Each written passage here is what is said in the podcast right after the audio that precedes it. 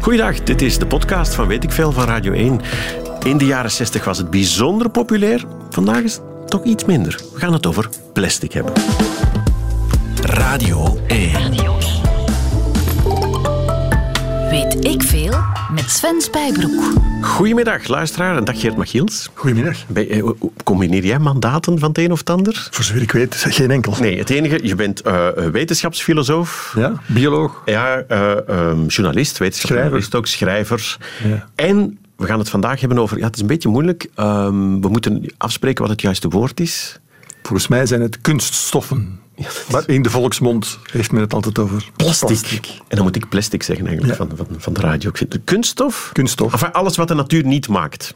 Maar wat de mens maakt, is, Ja. is dat het idee? Ja, als de mens dan iets maakt wat misschien ook in de natuur zou kunnen gemaakt worden, maar we doen het synthetisch in een fabriek of in een laboratorium, dan kan je het een kunststof maken. Ja. Noemen. Ja, Tegenwoordig wordt dat vooral als een probleem gezien. Hè? Eh, ja, omdat we eh 90% van die kunststoffen die absoluut geen probleem zijn, maar juist zorgen mee voor onze welvaart en onze gezondheid en zo, dat we die eigenlijk niet meer zien. Als je, als je in deze studio alle kunststoffen zou weghalen, nu eventjes, dan stopt het allemaal. Wacht, dit bijvoorbeeld? ja, Het is zo'n plofkap die aan de microfoon hangt. Ja, dat is van ja. schuimrubber gemaakt. Eh, Maar ook de isolatie rond de elektrische draden Ja, hier. voilà. Heel, heel veel van de, de behuizing van die computers. Computerschermen, de, ledlampjes. de muis, de zolen van jouw schoenen, vernis van de mijn schoenen. tafel. Ja. Ja. Heb, je, heb jij een elastiek in je onderbroek zitten? Eh, ik veronderstel van wel. Kunststof, ja, voilà. ongetwijfeld. Dus, dus het kunststof is Overal. overal. Kijk eens rond. Ja, ja. Daar moeten we het dus zeker over hebben. Radio 1. Weet ik veel? Het wordt door de mens gemaakt. ja.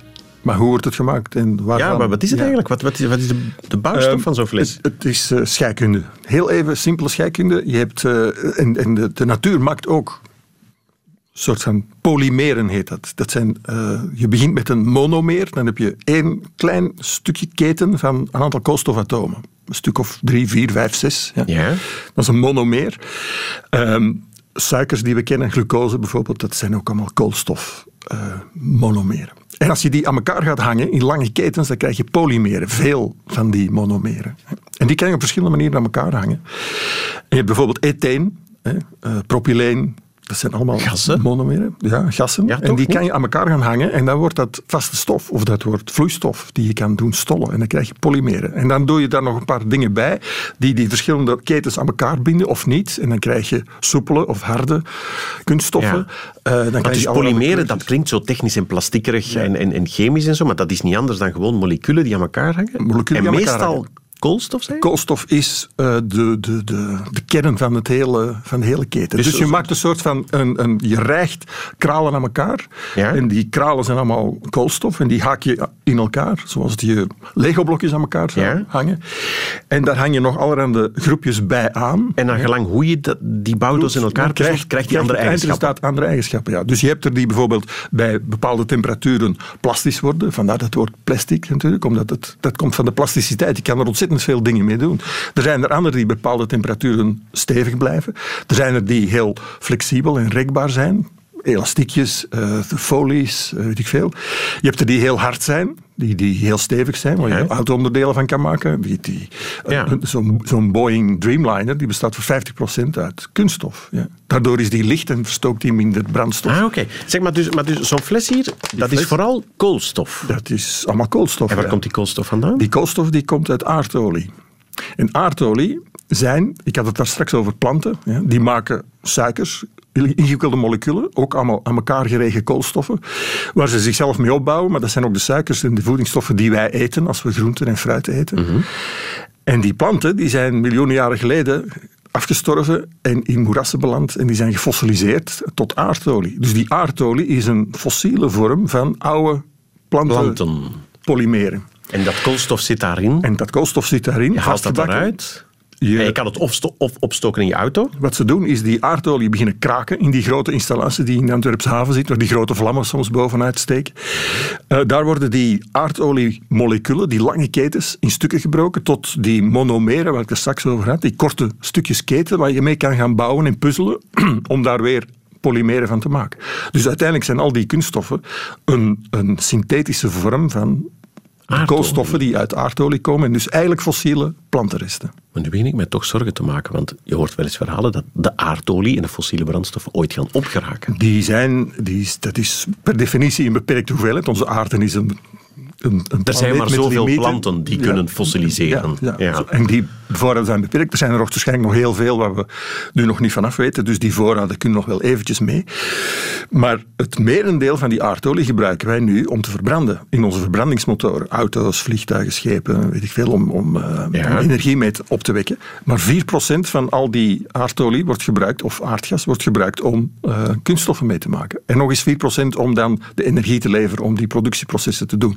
Dus een hele kleine fractie van al die fossiele brandstoffen wordt eigenlijk gebruikt als fossiele grondstof. Met 8, 8% van alle aardolie die wordt opgepompt, Maken dat is wij genoeg om alle plastic van, enfin, de- net hier, hè, die hele studio, de hele wereld, Absoluut, de hele wereld die daarop vergeven. draait. Ja, ja, Ah, ja. Klopt. Ja. En dat is eigenlijk maar pas gekomen sinds de jaren 50. Want de eerste, de eerste kunststof, de eerste polymeer die echt door de mens gemaakt is, is bakkeliet. En dat komt van Leo Bakeland. Dat was een Gentenaar die in het begin van de 20e eeuw eh, de eerste ja, harde kunststof maakte. Die zeer goed elektriciteit eh, Mhm. Kon isoleerde. Ja, Die in, tegen hitte oude tegenkomt. schakelkasten en, Oude telefoons. Hè, telefoons, de Ja. bakkelieten telefoons, die nog van die draaischijven hadden, die de meeste mensen nu niet meer kennen. Ehm, en bakkeliet werd echt, echt eh, voor van alles en nog wat gebruikt. En dat was het begin van, van het tijdperk van de kunststof. Echt waar, dat is de allereerste die, die iets in elkaar Ja. geknutseld heeft wat, wat in de natuur niet voorkwam. Nee. Ja, klopt. En dat was, dat was een, wonderlijk ding. Mensen vonden dat fantastisch. Want het, het, het was het begin van het beginnen nadenken over hoe kunnen wij al die polymeren die we anders uit, uit de natuur gebruiken, ik zeg maar cellulose, papier, eh, het, het hout dat we gebruiken voor meubelen, eh, het hout dat we gebruiken voor, voor- als brandstof. Het, eh, de, de, we ge- we gebruikten shellak bijvoorbeeld. Shellak, dat, dat kwam uit, uit de, de schilden van, van een bepaald soort van schildluis. Is dat niet iets wat, iets eh, voor de vinylplaat ook nog, nog ja, grammofoonplaten van? Ja, er is nog er is celluloid geweest. Ja. Dat werd gemaakt van cellulose. Ja. film? Ja, ja voor Ja. film. Ja. Met alle gevolgen van die, want die film, daar zat ook, eh, dat was nitrocellulose. En die was heel brandbaar. Dus als je die film moest projecteren en die kwam langs die hete lamp, dan er zijn heel veel films en de bijhorende bioscoopzalen in vlammen opgegaan. Dus het was goed dat er daar andere, andere materialen voor kwamen die beter tegen brandbestand waren, bijvoorbeeld. Dus er, er, is er, er werden, er werden hoorn van, van, van dieren werd gebruikt, huiden, leder en zo, al dat soort natuurlijke materialen. Horens van dieren? Ja. Wat kan je daarvan maken? Daar kon je hele fijne schilfers, lamelletjes van maken. hè. Die werden gebruikt om, om, eh, om lampen mee te- af te dekken. Carpaccio van rundhoorn, dat- Ja, daar kan je lampenkappen mee maken. Ja. ja.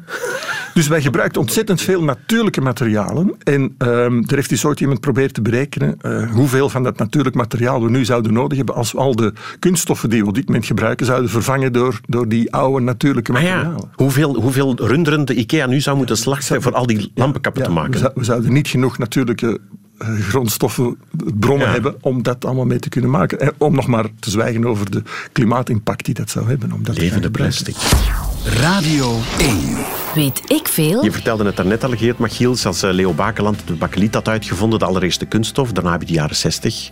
Dan denk ik aan oranje plastic. Alles was in rode en oranje plastic. Ja, dit was, dat was de eerste keer dat men dat soort kleuren kan gaan gebruiken. En bovendien ook nog in vormen gieten die, die verder met hout of metaal volstrekt ondenkbaar zouden Ja. geweest zijn. Ja. En dat, dat leidde tot een, tot een heel groot enthousiasme over wat die kunststoffen allemaal niet zouden kunnen teweegbrengen. Er was al een klein beetje enthousiasme geweest bij nylon, want dat bestond al voor de Tweede Wereldoorlog. Maar al de Amerikaanse vrouwen hadden moeten afzien van hun nylon kousen om de parachutes van het Amerikaans leger mee te kunnen maken. Maar dus na de Tweede Wereldoorlog was dat onmiddellijk een industrie die, die op topsnelheid draaide om nylon te gaan maken voor kleding en, en in, bijzonderheid Ja. nylon kousen. En in die tijd speelt zich de film The Graduate af, die je misschien nog herinnert. Met Ja, ja, de jonge Dustin Hoffman. Met muziek van Simon Garfunkel bij, Mrs. Robinson. Mhm. ja. Die Mrs. Robinson is verliefd op die jonge student van de buren. En die student die staat op een feestje samen met zijn buurman aan het zwembad. En die man die zegt van... Ben, mag ik jou één suggestie geven? It's just one word. Alleen maar één woord dat je moet onthouden. Ja, zegt hij, zeg maar plastics. Dat is de Dus toekomst. op dat moment wa- waren, waren, waren kunststoffen, plastic, in het Amerikaans, was dat de toekomst. Dat was- Wacht, van, van wanneer is de graduate? Ik denk eind jaren 50 of zo. Eind 50, ja. En de expo is van 58. 58. Ja. Ook toen was plastic iets geweldigs. Hè? Wacht, ik heb een kleine rondleiding gevonden. Polyethyleen. Polyethyleen, eh, Polyethyleen dokter. wordt sinds enkele jaren zeer veel gebruikt voor het, bereiden, voor het maken van huishoudartikelen, zoals trechters. eh, Oh, die nieuwe producten, die emmers en zo meer die we zien, dat is allemaal uit eh, De polyethyleen. diverse vormen, zeepbakjes en zo verder. zo. Eierdoosjes en zo meer. Hier zien we een ander soort plastic, namelijk schuimplastic. Die dus zeer, zeer, een zeer groot volume inneemt en eh, zeer licht is. Ja, eigenlijk is dat een doodgewone spons. Ja, dat is een spons. Je Ja. kunt onmiddellijk eh, eh, zich gaan bedenken van welk groot nut een dergelijk materiaal kan zijn. Dat was nog eens een tijd, hè? Ja. Die meneer was nog dokter ook. Hè. Die, die- die die was had vast met het- jas aan. Ja, met, met het uh, aplomb van de, de wetenschap. De En wetenschapper. Dit was vooruitgang, dit was innovatief. Ja, maar dat is natuurlijk ook een plastic zak dat beschermt tegen de regen. Dat is licht, dat is makkelijk. Het is een geweldig materiaal. Ja. Ik denk, als, als het vandaag zo'n slechte naam heeft... Heeft dat dan te maken met het feit dat er gewoon te veel geproduceerd is? Want bij, plastic denken mensen vandaag aan, aan supermarkten vol en aan zeeën vol. Kijk, er zijn, ondertussen is er veel gebeurd natuurlijk. Hè. Jaren 50 waren we met 2,5 miljard mensen op deze aarde. Ondertussen zijn we met meer dan 7 miljard. Ja. Zijn, eh, Maal drie of zoiets, dat is gigantisch. Al die mensen hadden dus... Dat zijn degenen die anders allemaal natuurlijke polymeren zouden gebruikt hebben en nu van die eh, kunststoffen gebruiken. Dus dat heeft meegeholpen in de vaart der volkeren. Ja. Ehm, en bovendien was er toen ook het idee van er is zoveel, die aardolie is zo goedkoop, ehm, je kan het gewoon weggooien achteraf na gebruik. De wegwerpsamenleving, Ja. dat deert ook van die tijd. Men ging er plat op dat je bij de picknick of bij een feestje achteraf niet meer moest afwassen, maar dat je al die bestekken en die borden en die bekertjes en die rietjes en zo Ja. allemaal gewoon kon weggooien. Maar die moest natuurlijk ergens naartoe.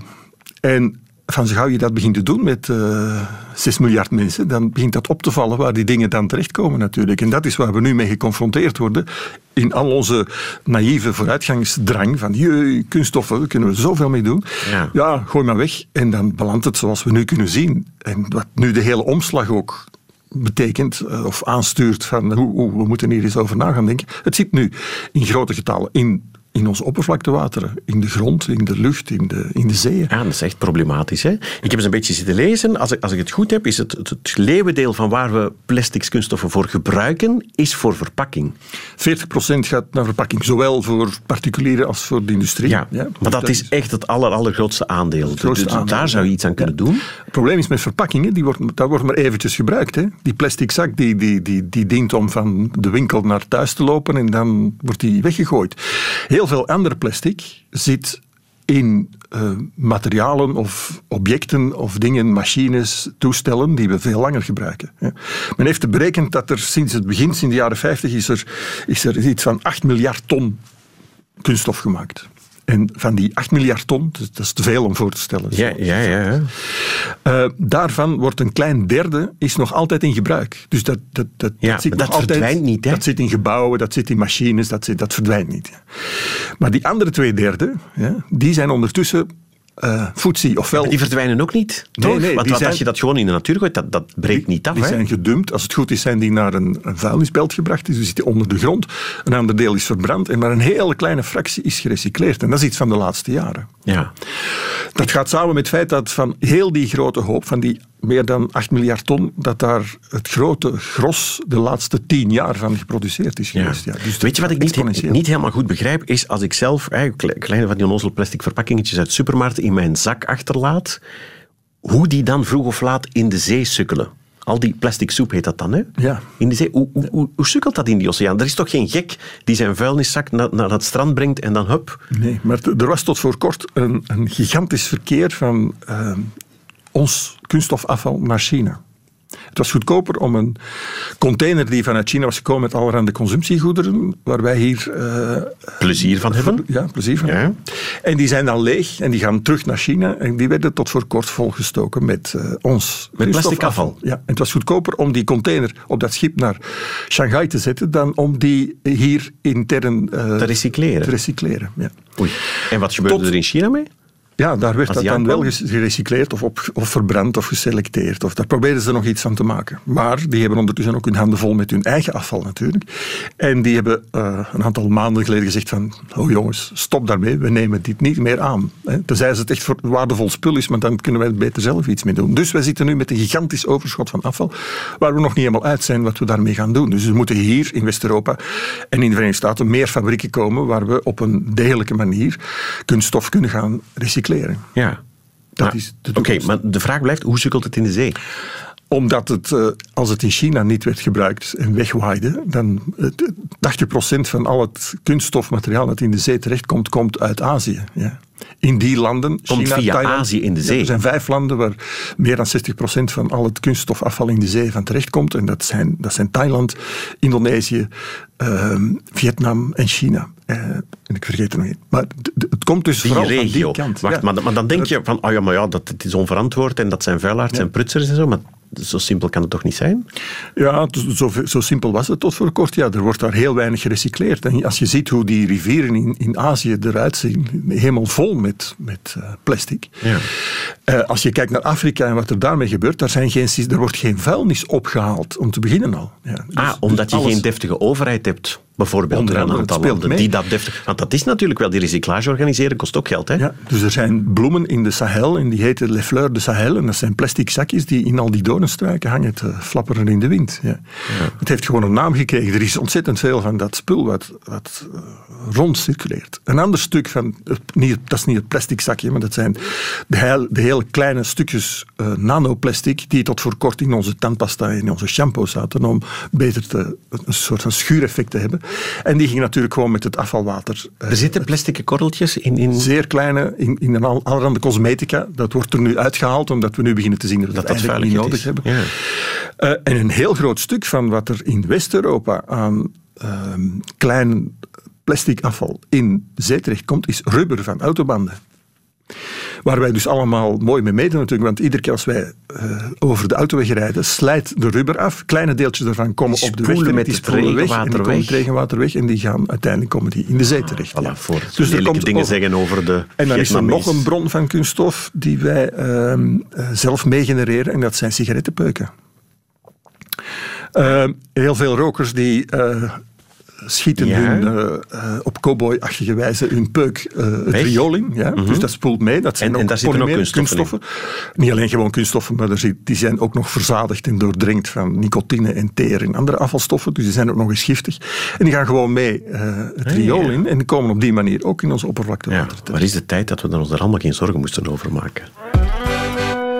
En eh, waar brengt u mij nu naartoe?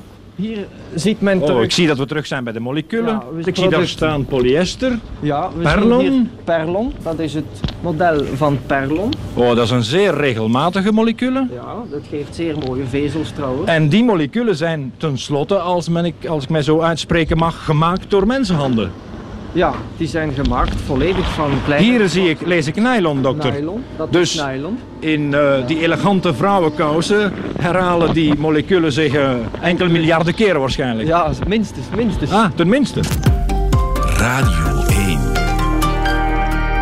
Weet ik veel? Geert Machiels. We hebben het over kunststoffen en dat dat een grote ellende is tegenwoordig in alle wereldzeeën. Ehm, dan denk ik, kunnen we geen, bestaat er al niet plastic flessen die als je ze weggooit, die toch vercomposteren, die biodegradabel zijn op een of andere manier? Eh, daar is wat verwarring over. Je hebt, je hebt eh, biogebaseerde ehm, kunststoffen. Dat wil zeggen dat je kunststof maakt op basis van melkzuur bijvoorbeeld. Een heel natuurlijke stof. Eh, een, een zuur dat wij ook in onze spieren aanmaken als we stijve spieren krijgen. Ja.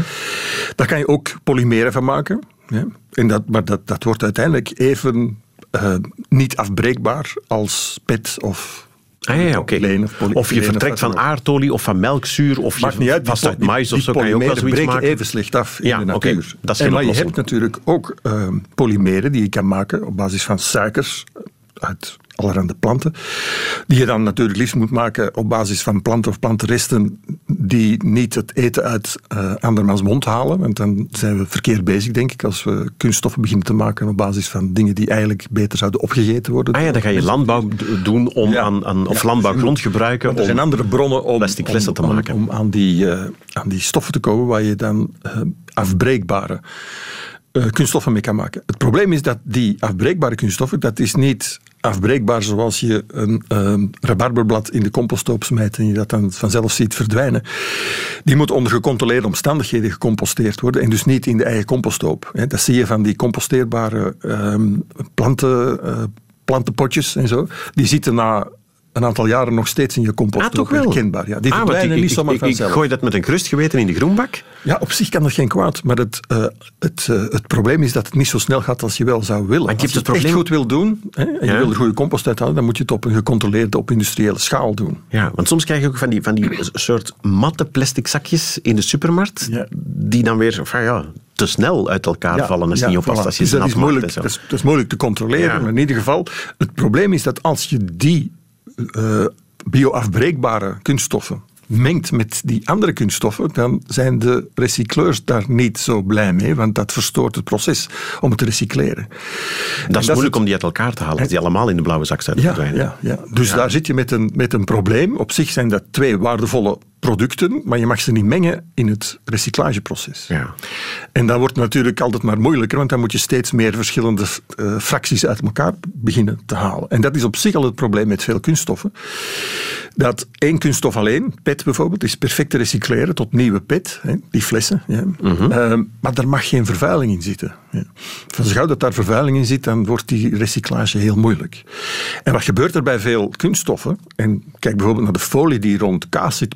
Daar, daar zitten dikwijls zeven verschillende soorten kunststoffen. Heel dun op elkaar geplakt. En elk van die kunststoffen heeft een andere kwaliteit om het vocht binnen of buiten te houden, om nog lucht door te laten, om UV-bescherming te bieden. Of zo. Dus dat plastic laagje op mijn kaas, dat zijn er eigenlijk zeven. Het zijn er dan soms zeven of soms nog meer. Ja, dat is heel gesofisticeerd, dat is hoge technologie. Maar het probleem is dat je dan zeven verschillende soorten kunststof hebt die, nog, die je niet meer uit elkaar krijgt Nee. en die je dus niet meer kan recycleren. Dat is ellende. Maar wat bedoel je met vervuiling? Als ik nu een, een- plastic fles met, eh, met mayonaise in, en daar zitten nog mayonaise-resten in, en ik gooi die in de, in de, in de blauwe zak, Ja, dat is, dat ellende of, of krijgen ze dat er nog wel Nou, dat uitgewassen in de krijg je er nog wel uitgewassen, maar dat zorgt natuurlijk voor extra werk. Ja, Ja. En je wil ook niet in die fabriek staan waar al die eh, vieze potjes en blikjes en flesjes eh, met al die etensresten Ja, nog in, die al mij nog een beetje het weken aan het gisten zijn. Ja, maar je moet eens Nee, gaan dat is kijken in zo'n Nee. fabriek. Dus spoel die dingen uit thuis en dan moeten de mensen in de fabriek het niet meer doen. Ja. Maar het probleem is met zo'n fles bijvoorbeeld, eh, daar, zit, daar zit een opdruk. Dus daar zit een klein folietje rond. Nu ondertussen wordt dat niet meer op die fles gedrukt, maar op een klein folietje wat rond die fles zit, zodat Ja. dat apart kan gerecycleerd worden. Want dat is een andere plastic. Ah, daarom is dat hier, Daar dat zit, ding ook, zo. Dat, daar zit ook inkt op. zit. Daar zit ook inkt op en die vervuilt bijvoorbeeld. Ja?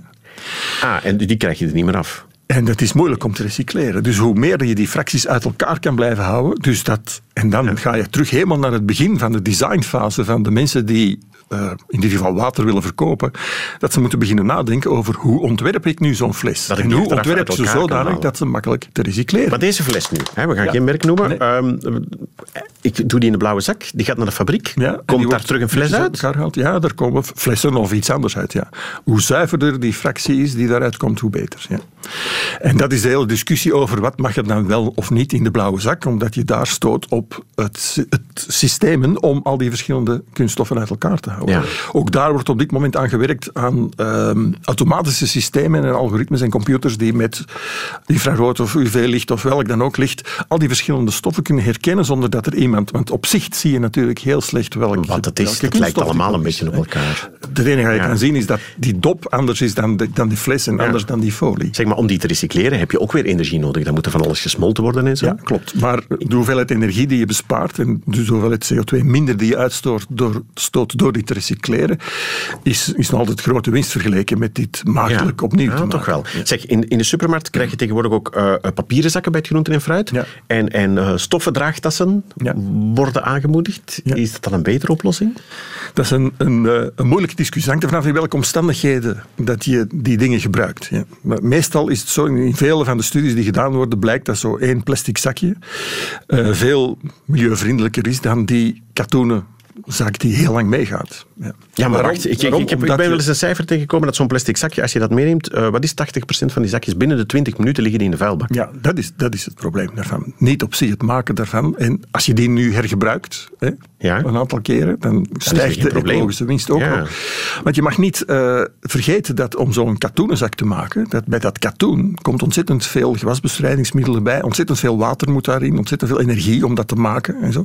Er zijn heel streken in deze, op deze aarde die helemaal verwoestijnd zijn door het feit men, dat men geprobeerd heeft om daar katoen te kweken. Ja. Dus de ecologische Dus- voetafdruk van zo'n dus- ja, mo- dus om die- mooie, ecru, bio-achtige... Dus die, die- dus die moet je echt, echt eh, jaren gebruiken voor die ecologische voetafdruk op hetzelfde niveau komt als van dat ene plastic zakje dat je wegsmijt. Dus het hangt er allemaal maar vanaf voor wat je het gebruikt, in welke omstandigheden.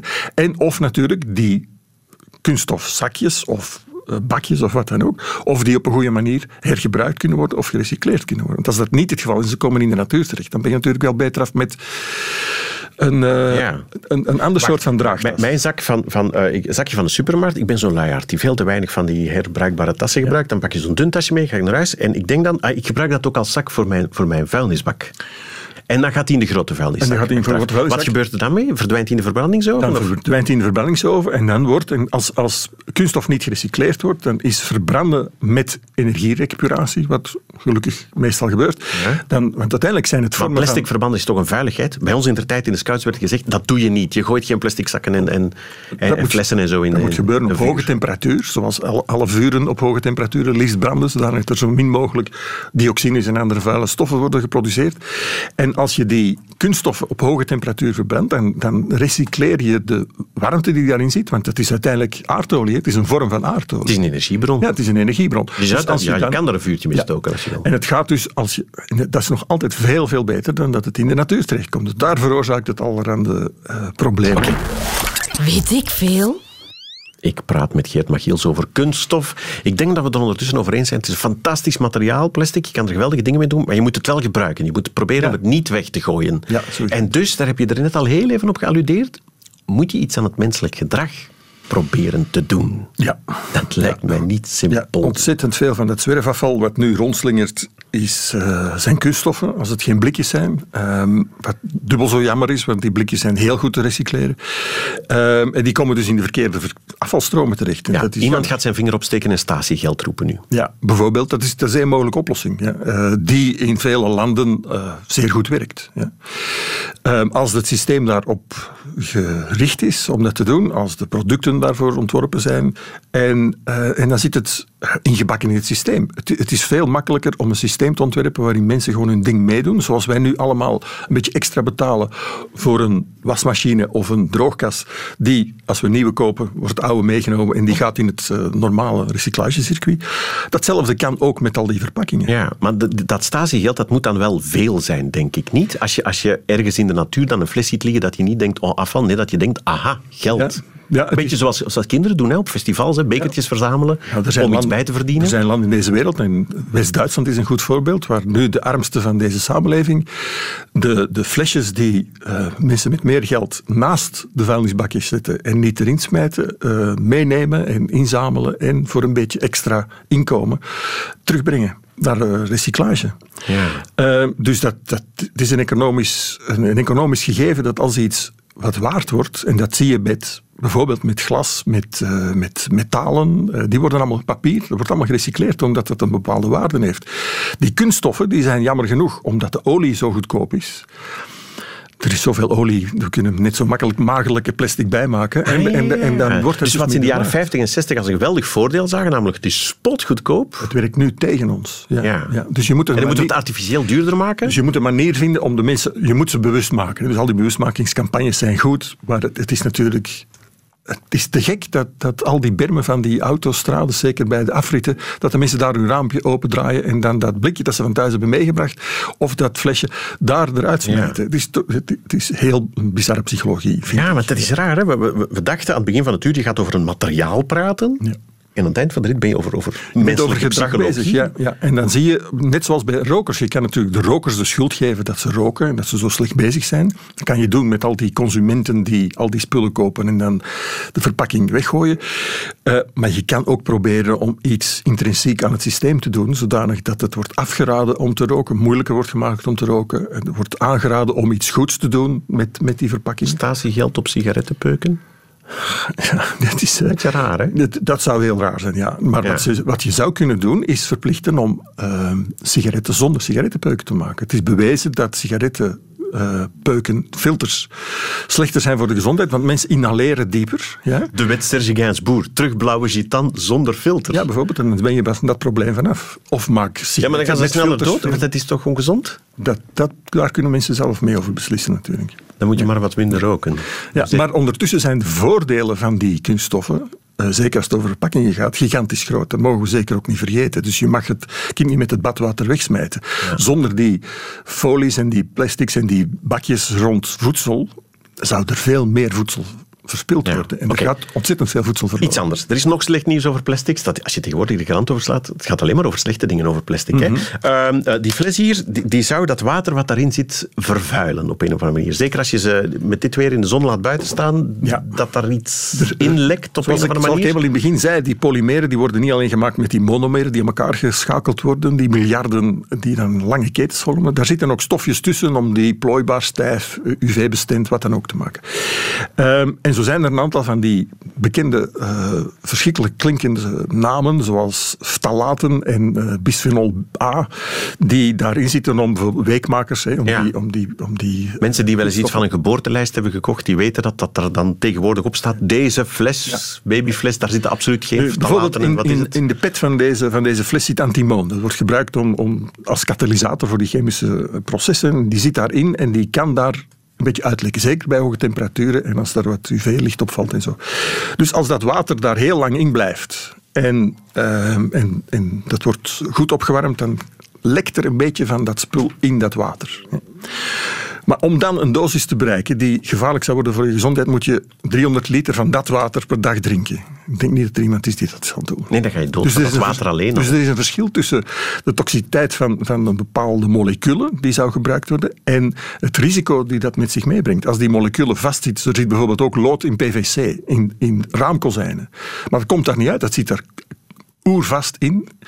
En daar heb je dus geen last van, terwijl lood op zich een heel gevaarlijk spul is. En zo is het met alles. Het, is het, eh, het risico bestaat uit het gevaar van een bepaald ding en de frequentie waarmee je daarmee in contact komt. En in veel van die chemische gevallen is daar helemaal niks aan de hand. Als er wel iets mee aan de hand is, en daar zijn, we hebben in, in Europa het REACH, systeem. Dus elke chemische stof die in Europa op de markt komt, moet geregistreerd zijn, er moeten gegevens over zijn, er moet bewezen zijn dat het veilig is. hè.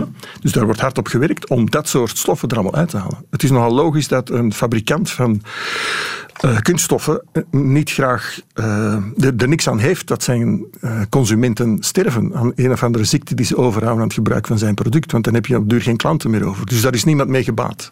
Iedereen wil daar zijn best over doen. En er wordt langlopend onderzoek, want dat is niet zo simpel om dat te doen, maar gevaarlijke dingen worden allemaal uitgefaseerd Ja. uit die kunststoffen. Zeg Geert, kijk eens naar de klok. Ja. We hebben nog een kleine vijf minuten. Mhm. Je wilde nog iets zeggen, want er valt veel over te zeggen. Het is nog interessanter dan de bever eigenlijk, plastic. En dat is al heel straf. Ehm, je wilde nog iets zeggen over de, de, de materialen van de toekomst, Ja, het, eh, het, waarvan jij denkt, Als, daar als je ziet hoe belangrijk kunststoffen in dit moment zijn voor ons, voor ons leven, gewoon. Ja, we kunnen dag, niet zonder, dag we kunnen niet zonder. Er zijn een aantal eh, dingen aan die moeten verbeteren. Ehm, Ellen- de Ellen MacArthur Foundation, opgezet door Ellen MacArthur, een solo-zeilster rond de wereld, die gezien heeft wat het effect was van onze samenleving en de plastic soep op de oceanen. Die heeft een foundation opgezet gezet, een aantal jaren geleden al. En die heeft een heel dik rapport geschreven over de New Plastics Economy. Die zegt van we moeten die kunststoffen blijven gebruiken. We moeten er nieuwe ontwerpen die zodanig zijn gemaakt dat ze recycleerbaar zijn, hergebruikbaar zijn, niet Ja. toxisch voor het milieu, nog voor onszelf. En dat daar de toekomst zit. En kan dat? En dat kan, absoluut. Daar wordt nu hard op gewerkt. Dus ofwel heb je dan die bioafbreekbare of op bio gebaseerde kunststoffen. Dus nog een stap verder is dat we de CO2 uit de lucht gaan gebruiken om daar rechtstreeks kunststoffen mee te maken. Op basis van hernieuwbare energie, liefst natuurlijk. En dan doen we uiteindelijk hetzelfde als wat de planten al miljoenen jaren doen, namelijk polymeer maken aan de hand van CO2 die ze uit de lucht halen, haalt- licht van de zon, Wacht, wacht, je had ze lucht. koolstof, koolstof uit de lucht. Ah, dat is, dat, is, dat is koolstof, ja. Koolstof, en daar maak je dan zo'n CO2, fles mee. CO2, en als je al die C'tjes aan elkaar hangt, dan krijg je ketens. Eerst een monomeer, daarna een polymeer en dan heb je kunststof. Er wordt op dit moment worden er al ehm polyurethaan, matrassen onder andere en isolatiematerialen gemaakt van CO2 wat recht uit de lucht geplukt wordt. In fabrieken die op dit moment gewoon draaien. Wacht, voordeel- dat, dat, is, ja, dat is supergoed, want dan halen we CO2 uit de lucht. CO2 in plaats is- van dat die in bomen wordt opgeslagen van al die plantageprojecten. Ja, klopt. Of dat we Zit daar dan in fossiele matrassen CO2 van alle. Chinezen. Ja. En dat kan dus. Dat kan en dat zal alleen nog maar verder toenemen. Op diezelfde manier zullen we katalysatoren vinden, stoffen die chemische reacties bij bepaalde temperaturen eh, stimuleren, waarmee we vanuit die CO2 van de lucht ook niet alleen grondstoffen voor onze kunststoffen kunnen maken, maar ook brandstoffen voor onze verbrandingsmotoren. Op dat moment zijn we dus iets aan het doen aan, aan broeikaseffect. Ja. We zijn broeikasgassen aan het gebruiken om brandstoffen mee te maken en kunststoffen. Wacht, ik vond het al heel gek dat je van lucht een plastic fles zou kunnen maken. Maar jij vergelijkt het met planten. Dat is Ja, waar. die Die, halen net niets uit de lucht en die Ja. maken daar iets, iets heel vast naar De stengels en suiker van een appel is gewoon CO2 uit de lucht die tot een Omgezet suiker, is. Tot een grote Maar polymeer nu zeg je ook dat je er brandstof van kan maken? Ja, die, die, die aardolie is als gevolgd. professor Gobelijn. Hè? Ik denk, bij, bij Jommeke was de grasmobiel. Ja. Maar de luchtmobiel, dat zou kunnen. Nou, lucht, het gaat om de CO2 die je eruit haalt. Als, die, als die planten miljoenen jaren geleden die suikers maakten, waar we dan nu die aardolie uithalen, want dat is gefossiliseerde suiker Ah ja, van dat is- lang geleden. Ja. Waarom zouden we dat niet rechtstreeks zelf kunnen doen? In een fabriek. Ook dat weer koolstof, eh, eh, petroleum, dat is koolstof. koolstof. En als we een manier vinden om ook het zonlicht, een hernieuwbare energiebron, daarvoor te gebruiken. En we kunnen die polymeren beginnen maken met CO2 uit de lucht. En we doen er nog een paar dingetjes bij, zodat dat we al die verschillende kunststoffen kunnen produceren. Dan lossen we een aantal problemen in één keer op. En daar wordt steeds harder op gezocht. Ik weet niet in hoeverre de grote aardolieproducenten daarmee bezig zijn. Hè. Die zijn niet geïnteresseerd natuurlijk. Het zal wel zijn. Ja, of ze zouden juist wel geïnteresseerd zijn, maar ze houden het geheim. Het zou kunnen, daar weet ik niets van. Maar eh, het is in ieder geval zo dat op universitair niveau er heel hard gezocht wordt naar manieren om die atmosferische CO2 te kunnen gaan gebruiken. hier, voor- hier, voor alle duidelijkheid, hier zit nu niet de zot, de ziener, Geert Machils. Hier zit een wetenschapsfilosoof. een bioloog ook in eerste instantie, die veel van planten weet en die daar altijd door gefascineerd is geweest en gedacht heeft van waarom, waarom kunnen we dit niet op industriële schaal doen? ja, de en er wordt ook naar gezocht, dus het is realistischer Ja. dan je zou Ja. denken.